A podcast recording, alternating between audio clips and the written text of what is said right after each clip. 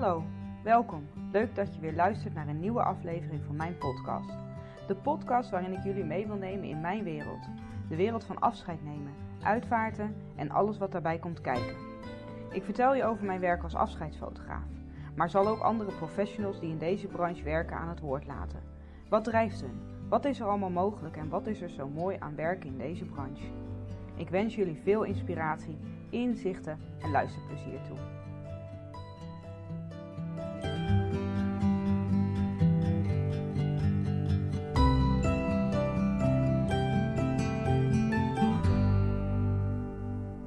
Hi, welkom. Leuk dat je weer luistert naar een nieuwe podcast. En vandaag uh, interview ik, uh, nou interview, vind ik altijd zo'n woord, klets ik gezellig met Maartje. En Maartje heeft um, een bijzonder verhaal. Zij uh, is haar zoontje verloren, haar jongste zoontje, toen hij twee maanden oud was. En sindsdien heeft haar leven een hele andere wending genomen. Uh, ze, vertelt het zelf heel mooi in de podcast dat ze ja, eigenlijk de kans kreeg om weer volledig opnieuw te beginnen met alles. En zo ook met haar uh, ja, werkzame carrière, om maar zo te zeggen. Um, er zijn drie dingen die ze doet. Dat kan ze zelf veel beter vertellen. Um, maar het grappige is, is dat ik dacht dat ik met haar ging praten over uh, twee van die dingen. Um, omdat dat was waar ik haar door heb leren kennen op een beurs. En uh, dat betreft het NEL Magazine. Een uh, magazine speciaal gemaakt voor ouders die een kindje verloren hebben. En het Gouden Rouwboek, waarin je inspiratie kunt opdoen. wat met betrekking tot herinneringsproducten. Maar ze heeft dus ook een eigen coachingspraktijk of een praktijk waarbij ze um, mensen leert. En dit wist ik dus niet, dus dit was heel verrassend voor mij om te merken dat uh, we het hierover gingen hebben. Maar waarin ze leert mensen um, contact te hebben met hun overleden dierbaren. En um, ja, ik heb daar natuurlijk zelf al, al, al wel van gehoord. En, en, en heb, ken mensen die dat ook hebben gehad. Of die bepaalde ervaringen hebben gehad na het overlijden van hun dierbaren. En ik had zelf ook een boek gelezen. En ik uh, zeg het titel ook al in het uh, interview. Uh, dat is Tekens zijn overal. En dat boek staat boordevol met verhalen van mensen die contact hebben met dierbaren. Op, op verschillende wijzen. Dus ik vond dat al echt fascinerend. Um, des te leuker om vanavond echt met iemand te spreken die daar veel ervaring mee heeft. En uh, nou ja, ik vond het een heel bijzonder mooi gesprek. En um, ik wens je heel erg veel plezier met luisteren. Goedenavond uh, Maartje, leuk dat we elkaar uh, zien en spreken vanavond. Ja, goedenavond.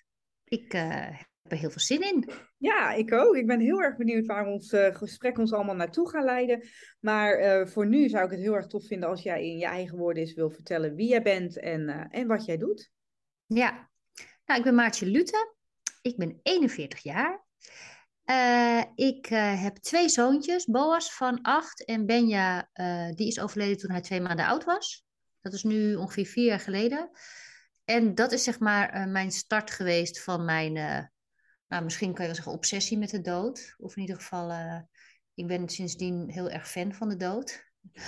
um, ja, en, en toen ben ik begonnen met het maken van Nel Magazine toen mijn zoontje overleed. Omdat toen hij net overleden was, ik eigenlijk op zoek was naar ja, herkenning en erkenning en dingen die ik kon lezen. Maar alles wat ik vond, vond ik heel, heel erg zwaar. En ik wilde zo graag ook uh, aandacht geven aan de liefde die ik voor hem voelde. En aan hoe trots ik op hem was en hoe graag ik over hem wilde praten. En dat hij er voor mij gewoon nog was. Letterlijk ook. Daar kwam ik pas later achter. Um, dus, dus, en ik vond dat niet waar ik naar op zoek, op zoek was. Dus ik ben het eigenlijk zelf begonnen. Dus ik ben toen een magazine begonnen, Nel Magazine. En Nel staat voor Never Ending Love. En uh, trots tijdschrift voor de ouders van een overleden kind.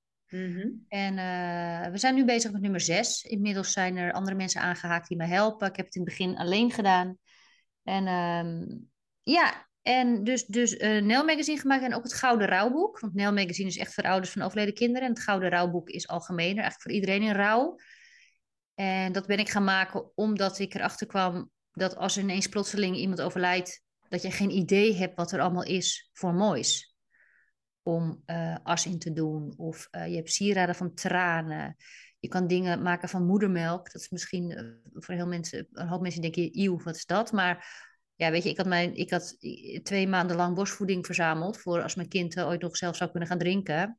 En dat kon hij niet, dus dat stond in een koelkast. En wat moet je daarmee? Nou, daar schijn je dus ook sieraden van te kunnen maken. Ik heb er ook één. Ja, ik heb er ook Ja, ja, echt? Oh, nou ja, goed, ik niet, want ik heb alles in de biobak geflikkerd, wat ik wel heel pijnlijk vond. Maar ja, wat, ik wist het allemaal gewoon niet. Ik wist niet dat er zoveel moois was. En dat willen we met het Gouden Rouwboek eigenlijk eh, aan mensen aanbieden. eh, meteen nadat ze iemand overleden is. Het wordt aangeboden door uitvaartondernemers. En dan dat zij gewoon rustig de tijd hebben om te kunnen zien, weet je, wat is er allemaal? En je kan ermee op de bank zitten. En het staat vol met verhalen, ervaringsverhalen, gedichten, quotes, informatie. Ja, het is gewoon echt een heel mooi boek. Ik wil ook gewoon heel graag mooie dingen maken over de dood. Iets wat je graag vast wil pakken. Weet je, Nel Magazine ook. Het is gewoon, ja, al zeg ik het zelf, gewoon echt een mooi blad. Ja, ja klopt. Ja, en eh, dus dat zijn zeg maar echt de, nou ja, de praktische dingen die ik maak. En verder wat mijn missie eigenlijk is sinds, eh, sinds Benja is overleden en ik daar een hele aparte ervaring in heb gehad, is om mensen in rouw en dan ook wel ouders in rouw, maar het- je kan het breder trekken, een ander perspectief op de dood te geven, waardoor ze anders kunnen gaan rouwen en waardoor ze, nou ja, eigenlijk door, door de dood beter te begrijpen, sta je ook beter in het leven. Of beter, eh, als je de dood beter begrijpt, denk ik dat je het leven beter kan begrijpen. En ehm, ja, dat is echt mijn missie om, om ouders weer een beetje het geluk terug te geven. Want ik, ik heb ook een podcast. Mhm. Ik ben gelukkig na het overlijden van mijn kind, heet die podcast. En de eerste serie was echt, hoe kan dat? En nu heb ik meerdere series. En, en het gaat gewoon echt eh, heel erg over mensen die ook ervaringen hebben in, in, in dat de dood niet weg is. Ja. En ehm, ja, ik vond het heel spannend om dat zo uit te spreken. Ik ben gelukkig na het overlijden van mijn kind. Ik ben heel lang bang geweest dat ik mensen zou kwetsen. Mhm. Ehm, en ik vond het spannend en ik dacht, kan ik dit wel maken? Maar inmiddels ben ik zo ver dat ik denk, ja, fuck it. Dit is gewoon wat het is. Ja. Voor mij. Eigenlijk een hele hoopvolle boodschap. Voor Eh. mensen die het wellicht nog niet kunnen voelen, hè? dat bedoel ik eigenlijk. Hè? Mensen die denken van, oh, maar dat Nou ja, kom het is, toch nooit? het is zeker zo dat ik heel graag had willen lezen toen mijn kindje overleed. Want ik, had hele, ik wist helemaal niet dat ik me zo zou gaan voelen. Ik was heel erg bang dat hij zou overlijden. En het leek, ik zei altijd, weet je, als je kind doodgaat, dan ben je klaar. Ja. Ik had er al één, die was toen vier. En ik dacht, als- als, als je kind doodgaat, dan kan je gaan wachten totdat je zelf ook gaat. Want dan is het klaar, het leven. Ja. Eh, en, ik, dat had mij heel erg geholpen als ik gewoon mensen had gezien die hadden gezegd, ja, maar ik ben nog steeds gelukkig. Of weer gelukkig. Of ik ben gewoon gelukkig. Ik vind het leven nog steeds leuk, ook al is mijn kind dood. Dat zag ik nergens. Nee. Nee. Nee, ja. Nou ja, dat zijn de mooie dingen die je doet. En je zegt, ehm, ja, daar, daar is een andere missie ook ontstaan, hè, om mensen te helpen. Kun je daar eens wat meer over vertellen? Wat, wat doe je dan precies? Ehm, nou, er zijn meerdere vormen, maar ik geef eh, workshops aan ouders. Die duren een dag. Eh, of aan ouders, nou, en ook nu aan, aan andere mensen in rouw, zeg maar. Om ze uit te leggen, om ze, om ze te leren zichzelf open te stellen voor contact met je overleden dierbare. Want we hadden net natuurlijk al een kort voorgesprekje. En ja, ik geloof dus dat je een ziel bent die eh, ja, niet doodgaat. Dus niet dood kan, die gewoon verder gaat in een andere vorm. Ehm, en dat je daar dus nog gewoon contact mee kan maken. En dat je niet weg bent als je dood bent. Dat je misschien nog wel veel dichterbij bent bij de mensen hier op aarde dan, dan dat je was misschien wel dat je leefde. Maar we hebben, dat is ons nooit verteld. We hebben geen idee hoe we dat contact kunnen maken. En heel vaak hebben mensen eigenlijk al contact, maar herkennen ze het zelf niet. Of Maar ze hoe kwam denken, jij daar zelf dan achter? Want herkende jij, eh, want ik neem, dat is even mijn conclusie, jij had dus blijkbaar na de dood van je zoontje contact met hem. ja, Is dat iets dat je gelijk wist van, oh, ik heb contact? Of is dat ook iets waar, waar je dan op een deur... Nou, ehm, het was, ik, ik, ik wist wel dat ik. eh, eh, nou, het, het ging zo. Ik stond bij zijn bedje. Hij was eh, overleden en hij zou de volgende dag gecremeerd worden. En we hadden hem mee naar huis en we hadden hem opgebaard. En ik stond bij hem en ik wou nog even alleen met hem zijn. Want die- ik weet, nou ja, er zijn natuurlijk altijd heel veel mensen als er iemand dood is. En, eh, en ehm, ik had ehm, haar van hem in een kleine doosje gehad van het ziekenhuis. Toen dacht ik, nou ja, ik, heb, ik had gouden oorbelletjes in. Dan doe ik die bij hem. Want dan, ik heb iets van hem en dan waar hij heen gaat, heeft hij ook iets van mij. En ik dacht ook erachteraan, als ik dan eh, naar een medium ga, want daar was ik altijd wel in geïnteresseerd. En dan zegt zij tegen mij, heb jij gouden oorbelletjes bij hem in zijn Oh, dingetje ja. gedaan? Dan weet ik dat hij niet weg is. En dat het dus waar is dat je er nog bent. Als je dood bent, dan heb ik bewijs. Ja, ja. En het moment dat ik dat dacht, kreeg ik een gedachte in mijn hoofd. En die zei, maar waar wij zijn gaat het niet om bewijs. Eh, het is niet onze taak hier om jullie bewijs te geven dat wij nog bestaan. Bewijs is iets aards. Het is onze taak om jullie de liefde en vertrouwen te geven dat wij er nog zijn. Daar kunnen we jullie mee helpen. Niet met bewijs.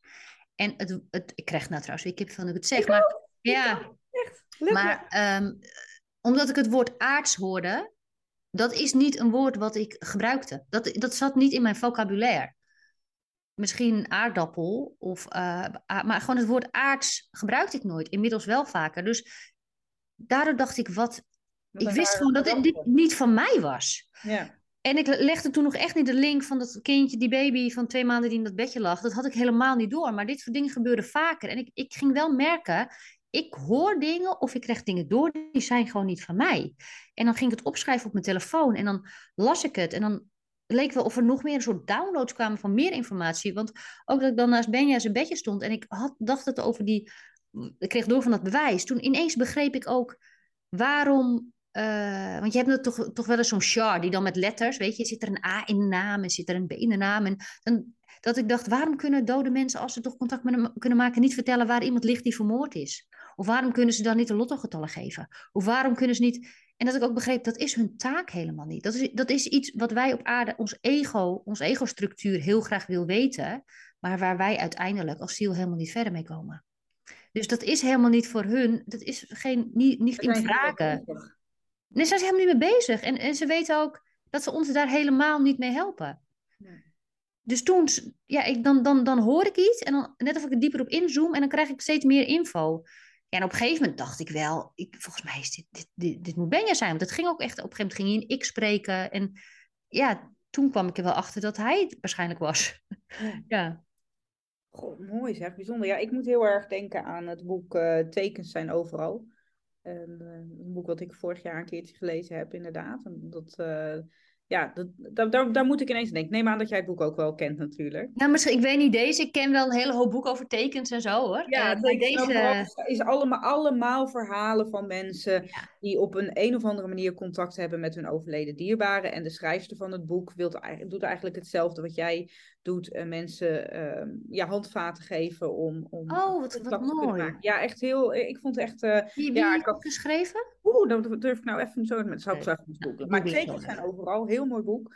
Um, maar hoe, hoe leer jij mensen dat? Vertel eens, hoe gaat dat? Um, hoe leer ik mensen dat? Nou, het is vooral heel erg zaak om uh, het verschil te gaan voelen tussen je hart en je hoofd. Want de dingen die binnenkomen van boven, die komen via je hart. En wij zijn heel erg geneigd, wij hebben heel erg geleerd om alles vanuit ons hoofd te bedenken. Weet je, alles is wat je kan zien. Eerst, eerst bewijs, dan geloven. Terwijl het is juist, nee, je moet gaan geloven en je openstellen en dan ga je het zien. Dat je niet zien, dan geloven, maar andersom. Dus uh, we gaan oefeningen doen waardoor jij uh, waardoor je mind, je rational mind of je ego aan de, aan de kant gaat. Dat kan je doen door middel van visualisaties, weet je, door je te laten leiden. Uh, we gaan uitleggen op wat voor manieren het, dat je tekenen kan herkennen. Omdat wat ik net al zei. Weet je, soms heb je wel eens van mensen die zeggen dan, die geloven er niet in, maar die kunnen wel zo opnoemen wat voor tekenen ze hebben gezien. Of toeval, weet je, het is te toevallig. Zeggen ze, ja, dit heb ik wel meegemaakt, maar ik geloof er niet in. Oh ja. Dus uh, dus, dus we gaan laten zien, ik doe dan samen met iemand die ook uh, energetische healing geeft, weet je, ook om, om de blokkades weg te halen over je overtuigingen van de dood, waardoor je denkt dat je geen contact kan hebben. Dus op wat voor manieren kun je contact hebben, wat past er bij jou? Ehm, ja, en ook gewoon heel erg gaan voelen, weet je, ook in je lijf, weet je, wat gebeurt er? We zijn ook vaak zo ontzettend Ehm, door verdriet gewoon gegrepen, waardoor je een soort schildje om je heen maakt, waardoor ze er ook minder goed door kunnen. En het, het is in groepsverband en uh, we doen ook bijvoorbeeld kaarten trekken. En ik leg uit wat intuïtief schrijven is. Weet je, voor iedereen is er weer een andere manier om dat contact te voelen. Ja. En iedereen kan het. Het is niet, weet je, het is net als met voetballen. Niet iedereen is Johan Cruijff, maar iedereen kan tegen een bal trappen. Dus het is voor iedereen een optie. En het is natuurlijk heel fijn om naar een medium toe te gaan. Ik heb zelf ook een mediumschapsopleiding gedaan. Nadat ik dacht, hé, hey, uh, volgens mij krijg ik door, laat ik er wat mee gaan doen. Dus het is voor mensen heel fijn om naar een medium toe te gaan. Maar ik zeg altijd tegen de mensen, Degene die jij mist, de allerbeste verbinding die je hebt, dat, die heb jij zelf met diegene. Weet je, helemaal als het je kind is, je hoeft niet naar een ander toe om die verbinding te voelen. Want helemaal wat je een familieband, moeder-kindband, of die, die band is heilig. Die gaat niet kapot en die is gemaakt door liefde. Dus je kan zeker naar medium toe gaan om uh, een soort bewijs te krijgen. Want dat heeft ons ego wel soms nodig, hè? om je eraan over te geven. Dat je zegt, oké, weet je, ik, ja, hier kan ik niet omheen. Dan moet het misschien wel zo zijn. Oké, dan geloof ik het maar. Weet je, dat kan al helpen om je een beetje open te stellen. Maar je hebt niet, geen andere mensen nodig om, om diegene te kunnen voelen. Nee. Ja. Mooi. En je zegt die werkt dus in groepsverband. Ja, dat doe ik ook. Ja, ook omdat dan mensen het kunnen zien van elkaar. Hè? Oh ja. en, en verhalen van andere mensen kunnen horen. En ik hoor ook vaak van ouders die dan zeggen: Ik vind het zo fijn om een hele dag gewoon over mijn kind te kunnen praten alsof het er gewoon nog is. Ja. Weet je, en, en niet voor gek verklaard worden. En alle dingen die jij denkt, die je gelooft, die je voelt, kan je gewoon op tafel gooien, want iedereen staat er zo in. Ja. En ook met oefeningen, dat je goed bij andere mensen kan zien. Kijk, zie je nu schiet iemand weer in zijn hoofd? Of zie je nu stelt hij zich wel open? Het helpt als je dat bij anderen ziet. Hoe dat ja, werkt. dan word je gespiegeld ook en zie je misschien je eigen dingen. Ja. Of, uh, Ja. Ja. Heel mooi. Mag ik eens vragen, want dit is allemaal gebeurd uh, nadat je je kindje hebt verloren. Ja. Wat deed je daarvoor? Je leven daarvoor? Was het totaal wat anders of zat dat al een beetje in de lijn? Ehm, nou, ik, ehm, ik heb er ook een boek over geschreven, dat vergeet ik wel eens. Ik heb ook nog een boek. Maar eh, daar, nou ja, daarvoor zat ik in de tijdschriftenwereld. Dus in, in de, in, in de eh, eerst echt de print magazines. Ik ben eigenlijk hoofdredacteur geweest en eh, heel veel gereisd daarvoor. En eh, daarna heb ik de content marketing kant opgegaan. Uh, branded content, dus ook online, allerlei dingen. Ehm, ja, maar en ik ging vooral dingen doen waarvan ik dacht dat het slim was. Dat ik daar veel geld mee kon verdienen. Dat het goed was voor mijn carrière. En op een gegeven moment was ik wel op zo'n pad beland dat ik dacht, vind ik dit eigenlijk nog wel leuk. Oh ja. Ik was gewoon heel erg vanuit mijn hoofd gaan leven en stappen gaan maken. Vanuit mijn hoofd, dit is slim. Hier zoeken ze veel mensen. Dit, uh, dit, dit kan ik goed. Dit. Dus nou ja, maar, maar ja, toen ben je overleden. Toen is gewoon alles... Uh... ik heb mijn baan opgezegd en mijn huis verkocht. En mijn relatie ging over. En alles. ik kon gewoon van scratch aan weer gaan beginnen opnieuw opbouwen. Ja. Geloof je dan ook, en daar ben ik dan benieuwd naar, hè? geloof je dan dat dat ook ergens goed voor is? Ja, ik, ik doe nu even een soort van quote. Hè? Ja, ik snap het. Ja, dit is, dit is totaal de bedoeling geweest. Ja. Ik, dat geloof ik met elk sterfgeval. En dat is natuurlijk wel af en toe spannend om dat te zeggen. Nou, daarom, daarom denk ik even. Ja, ja, snap ik, snap ik. Maar weet je, ik kan het zeggen, vind ik, nou ja, ik kan het zeggen. Voor mij, weet je, ik heb het zelf meegemaakt. Dus ik, ik praat er dan misschien iets makkelijker over. Um, maar heel veel podcasts die ik maak, ook met mediums en ook met um, wezens. Weet je, ik doe ook wel ja, podcast met, met uh, gechannelde, bijvoorbeeld ET's. Ja. Of, of ja, ik weet niet hoe, in hoeverre je daar iets mee kan, kan. Maar niks is per ongeluk. Er gebeurt niks is zomaar. De, de, het universum maakt geen foutjes. En ik vind dat heel erg uh, geruststellend. Ja. Ik vind het een heel geruststellende gedachte dat er niks fout gaat als je doodgaat. Dat, dat het precies de bedoeling is. Dat is ook wat ik voelde toen Benja overleed er kwam een soort rust over me heen. Ik heb een soort euforisch gevoel gehad toen hij overleed. Wat ik echt tot het moment nog dat we erheen gingen en we gingen alle, alle apparatuur uitzetten, echt niet geen idee van had dat dat zou gaan gebeuren. Mhm. Ik had het totaal niet. Ik, ik, dacht alleen maar, het was 1 april dat ze ons s'nachts belden. Ik, ik heb alleen maar gehoopt, ik hoop dat het een hele zieke 1 april grap is. Dat ze me bellen, je kind gedood. Zelfs, weet je, zo, ik wou het echt niet. Nee. En, en toen het gebeurde heb ik echt iets ervaren een soort euforie, geluksgevoel, een soort dankbaarheid, een soort sereniteit. Alles op dat moment voelde helemaal perfect. Het leek wel of gewoon of de wereld stil viel en of alles gewoon helemaal goed was. En ik ging s'avonds naar huis en, en wij namen hem mee. En mensen gingen natuurlijk bellen van, oh Maart, wat vreselijk. Weet je, je baby is dood, wat een nachtmerrie, wat een hel. En ik kon alleen maar zeggen, maar ik ben zo gelukkig. Ja. Ik ben zo gelukkig. En ja, maar dit had toch niet moeten gebeuren? Jawel, dit moest wel gebeuren. En ik hoorde dat, en dan hoorde ik die reactie van die mensen. En dan dacht ik, volgens mij zeg ik nou iets geks. Maar ik kon ook helemaal niet. Mensen dachten ook dat ik in shock was of dat ik manisch was. Dacht ik zelf ook allemaal. Maar het bleef. Het bleef gewoon. Ja. Ja. Jeetje, ja, wel, ja goed, ik, ik kan me wel de reactie van mensen voorstellen inderdaad. Want het is precies wat jij zelf zegt. Als je denkt aan het feit dat je je kind gaat verliezen, dan denk je, ja, dat, dat, dat, dat gaat niet. Ja. Niet. Nee, dus, dus ik snap het heel goed. En ik heb het zelf ook heel vaak gedacht. Ik ben gewoon die jaren daarna, weet je, we zijn nu vier jaar verder. Maar zeker de eerste half jaar of eerste jaar was ik dagelijks een soort, een soort voelde mijn lijf een soort flippenkast van, van dat ik dacht, ik ben niet goed. Ik, ik, mhm. ik, ik heb niet genoeg van mijn kind gehouden. ik, mhm. moet, ik kan niet rouwen. Ik, ik, mijn hart is kapot. Ik moet naar een hele goede shrink toe.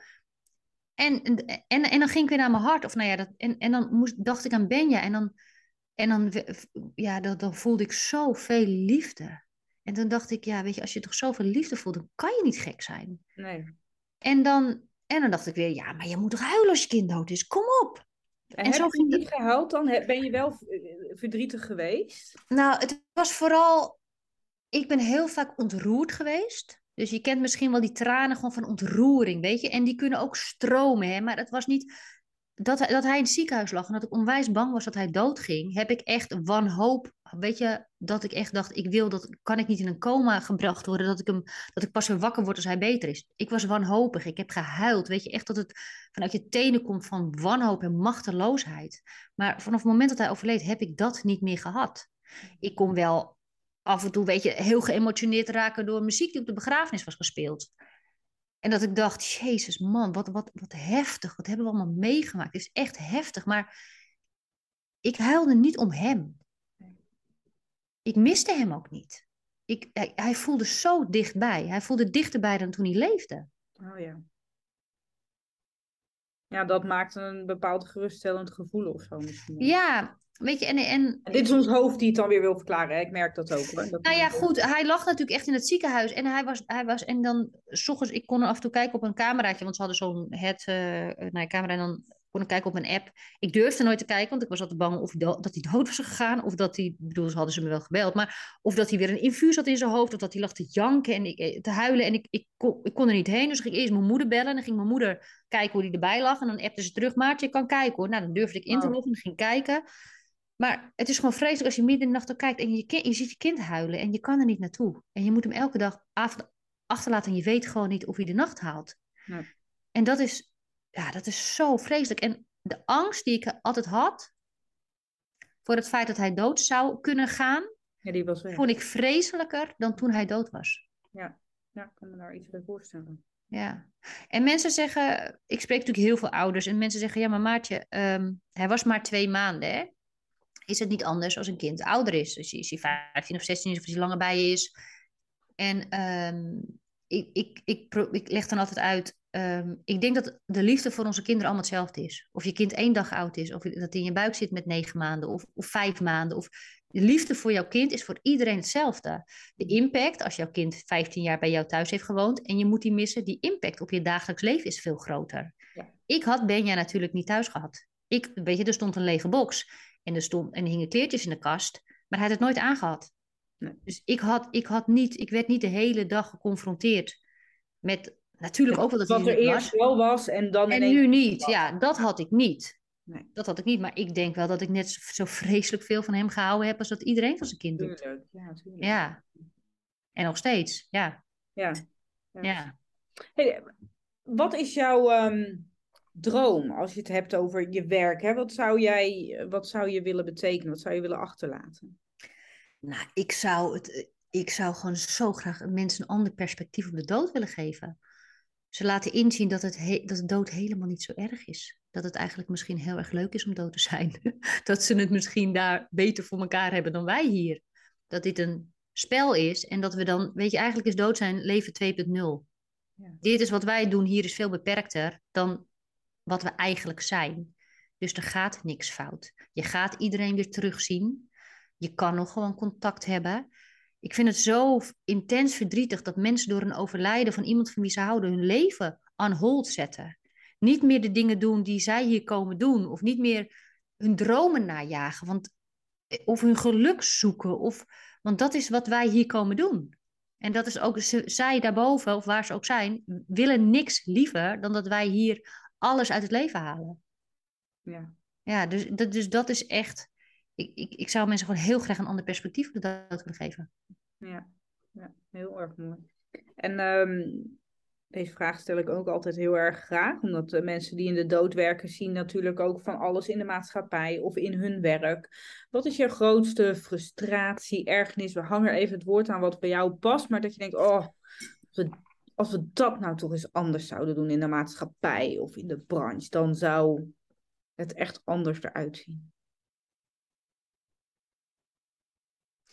Uh, nou, ergernis of frustratie heb ik niet echt. En, en niet, niet echt gericht op iets. Ik zou het heel mooi vinden als kinderen op school meer zouden leren over wat de dood zou kunnen zijn. Nee. Mm, mijn zoontje, die, er was een juffrouw, kleuterjuf van, mijn zoontje zit niet de kleuterschool, maar er was een juffrouw en die, ze zegt, we, hadden, we hebben het gehad over dromen op school. En ze riep me, uh, ik had hem weggebracht, maar ik wil even tegen je zeggen. Um, ze zegt, we hadden het over dromen en nachtmerries en wat er dan gebeurt in een nachtmerrie. En kinderen hadden verteld dan dat ze nachtmerrie hebben en dat ze dan uh, dromen dat ze dood gingen. En dat ze dan zo blij zijn dat ze wakker worden, want dan, dan zijn ze niet dood. En mijn zoontje had gezegd, ja, ik droom ook wel eens over de dood, maar dan vind ik het helemaal niet leuk als ik wakker word, want ik ben zo benieuwd wat, hoe het daar dan is. En dat vond die, en die kinderen, ze zegt, die kinderen zaten me aan te kijken, en die, net of er een soort kwartje viel. En ze dacht, oh ja, dat kan ook nog, maar dat wordt ons gewoon allemaal niet verteld. Ja. De, de, de dood is iets zoiets angstaanjagends. En het is zo bepalend in onze maatschappij hoe wij ons leven leven, doordat wij zo bang zijn voor de dood. En dat vind ik eigenlijk een beetje misdadig bijna. Weet je, dat we zo... Ik weet niet door wie. En ik weet niet wie... Nou ja, er zullen wel wat instituten zijn die daar een handje in hebben gehad natuurlijk. Mm. Maar op dit moment weet ik niet eens wie ik daarvoor moet aanwijzen. Maar het is zo, weet je, ook de, de manier van rouwen die wij nu hebben. Het is zo'n grote ballon, die is opgeblazen. En terwijl je hem eigenlijk kan doorprikken. En natuurlijk blijven er dingen, fysiek gemis is er. En je zou nog dingen met iemand willen doen. Maar als we anders naar de dood gaan kijken, dan, dan, dan ja, wordt dit ook een totaal ander verhaal. Ja. Ja, met deze resoneer ik heel erg. Ik had laatst ook een gesprek met iemand inderdaad. En dat ging over eh, hoe mooi het zou zijn als op de basisschool inderdaad al aandacht aan de dood wordt gegeven. Uh, zodat je daar. Um, en dat, dat mensen ook wel eens proberen om daar binnen een school bijvoorbeeld verandering in te brengen, maar dat dan de leerkracht zegt, nou ja, als we ermee te maken krijgen, hebben de juiste mensen wel. Uh, ja. Ja. Nee, het gaat er niet om dat je pas kinderen iets over de dood moet leren op het moment dat een klas getroffen wordt door een dood van een, uh, van een klasgenootje of een vader of een moeder of zo. Een goudvis, ja. Nee, precies, dan moet je het er niet pas over hebben. Ja. Het zou gewoon al iets moeten zeggen. Want ik zie dat natuurlijk, ik werk natuurlijk ook met de dood. Dus ik zie hoe mijn kinderen daarop reageren. Die vinden het dood normaal. Ja. Ja. Die doen daar niet moeilijk over. Die doen daar niet gek over. Ja, Boas zegt als ik wou dat ik dood was. Maar dan bedoelt hij niet, ik wil dat ik, weet je, ik wil er een einde maken. Hij zegt, ach, maar gewoon, lijkt me leuk. Ik zeg, nee, niet jij ook hoor. Ik zeg, ik heb al één dood. Ik wil niet, ik wil gewoon eentje hier houden ook. Ja, we kunnen er ook echt wel grapjes over maken. Ja.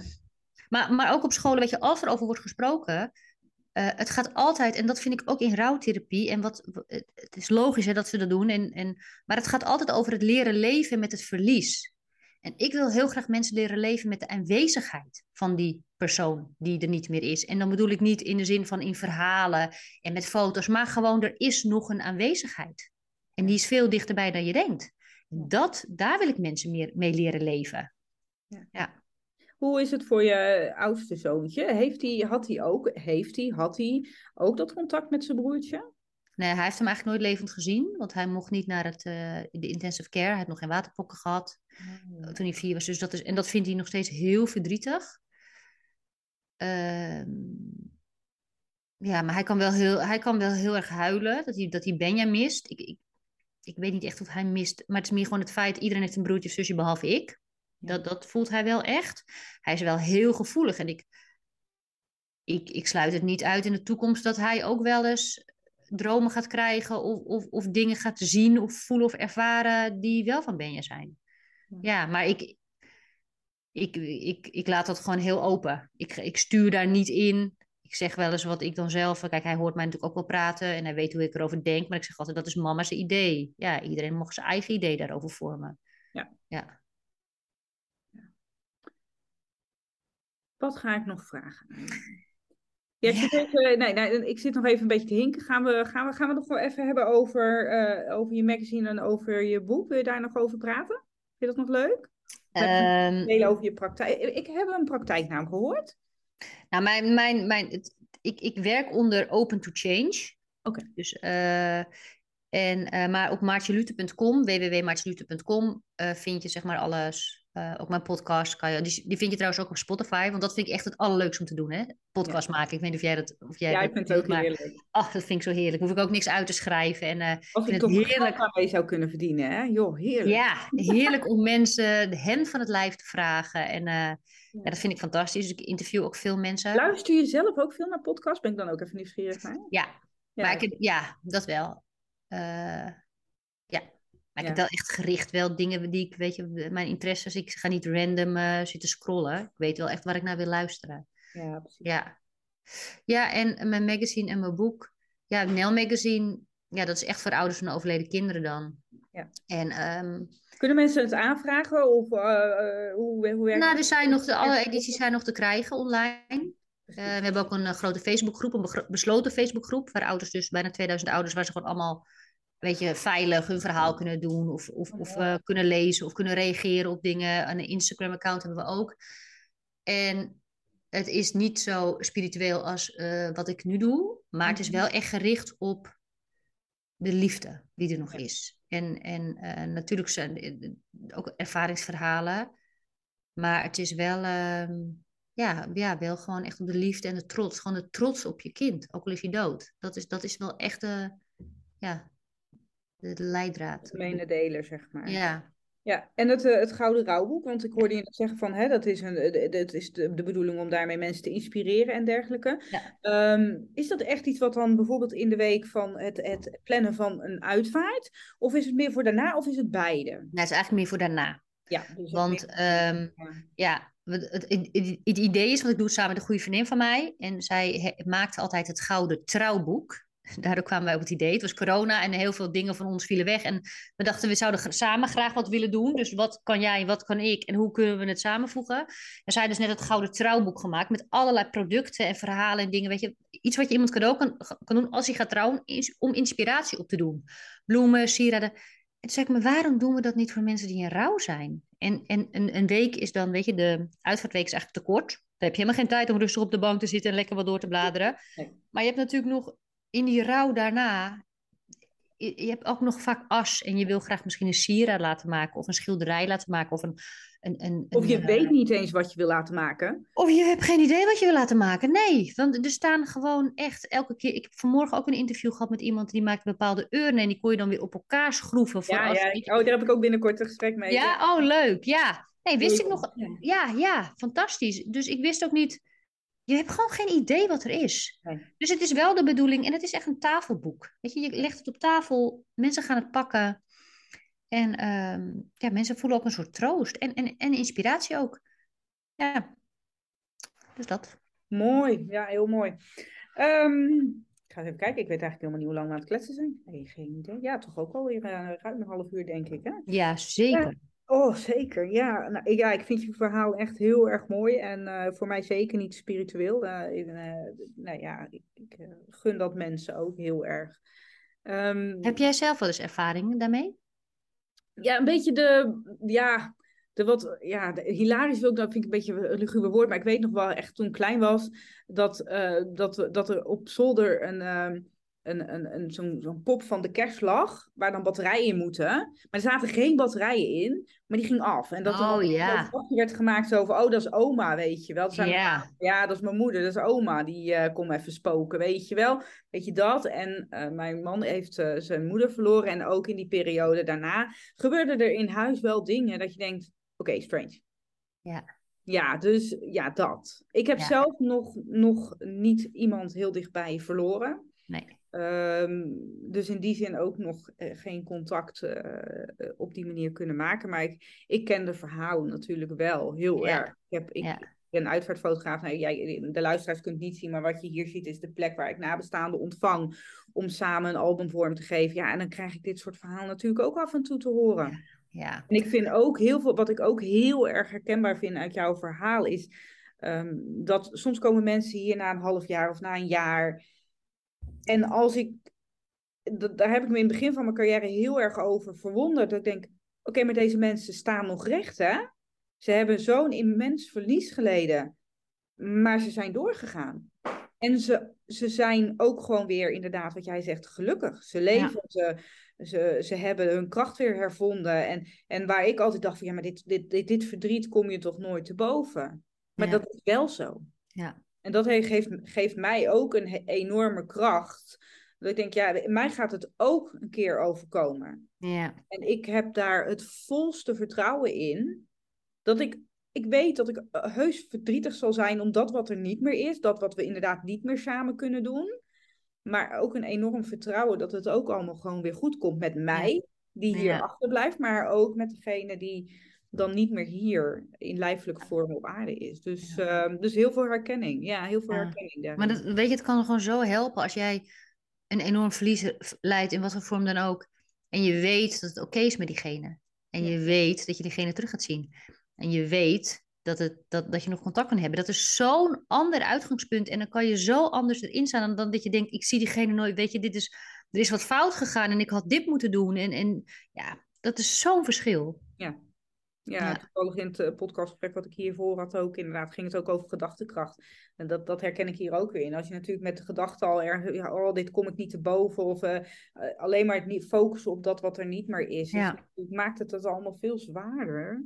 Ja. En ik wil niks bagatelliseren, hè, want dat, dat, daarom soms vind ik het ook moeilijk om woorden aan dingen te hangen, omdat je mensen niet wil kwetsen. Klopt, ja. Midden in dat proces zitten, die denken echt van hoe durf je te zeggen dat ik weer gelukkig word? Ja, zeker. Ik, heb, uh, ik, ik krijg ze wel eens, ja, weet je, ik krijg die mensen wel op de mail of uh, op een andere manier die dat wel. Maar ik kreeg ook mensen die zeiden, Maartje, ik zag de titel van je podcast, ik was zo boos, ik heb hem geluisterd en dit heeft mij meer geholpen dan, dan vijf jaar therapie. Ja. En die hoor ik ook. ja. Ja, mooi.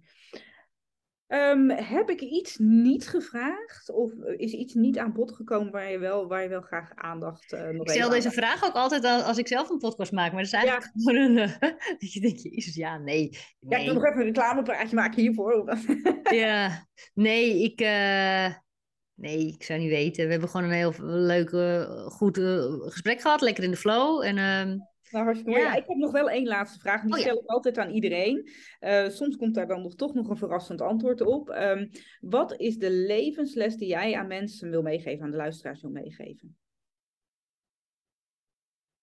Um, dat het leven een spel is.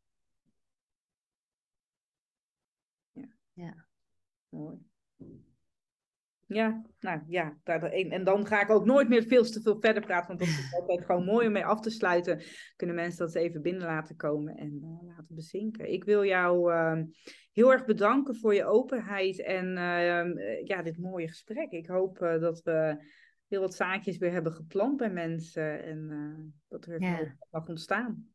Ja, heel fijn. Dankjewel. Ik vond het ook ik vond het heel mooi. Fijn om te doen. Mooi zo. Nou, ik ga natuurlijk alle linkjes en dingetjes in show notes en blogjes zetten. Dus als mensen dit luisteren en denken, oh, ik wil meer weten, ik wil iets, uh, ik wil van jou luisteren, dan kunnen ze lekker doorklikken. Dankjewel. Yes. Dankjewel dat je weer luistert naar mijn uh, podcast. En uh, je bent tot het einde gekomen van deze aflevering. En dat kan niet anders betekenen dan dat je nou, het interessant vond, of leuk vond, of ontroerend. Wat ik je daarom ook wil vragen is of je de moeite zou willen nemen om een uh, review achter te laten bij deze podcast op uh, Apple Podcast of op Spotify.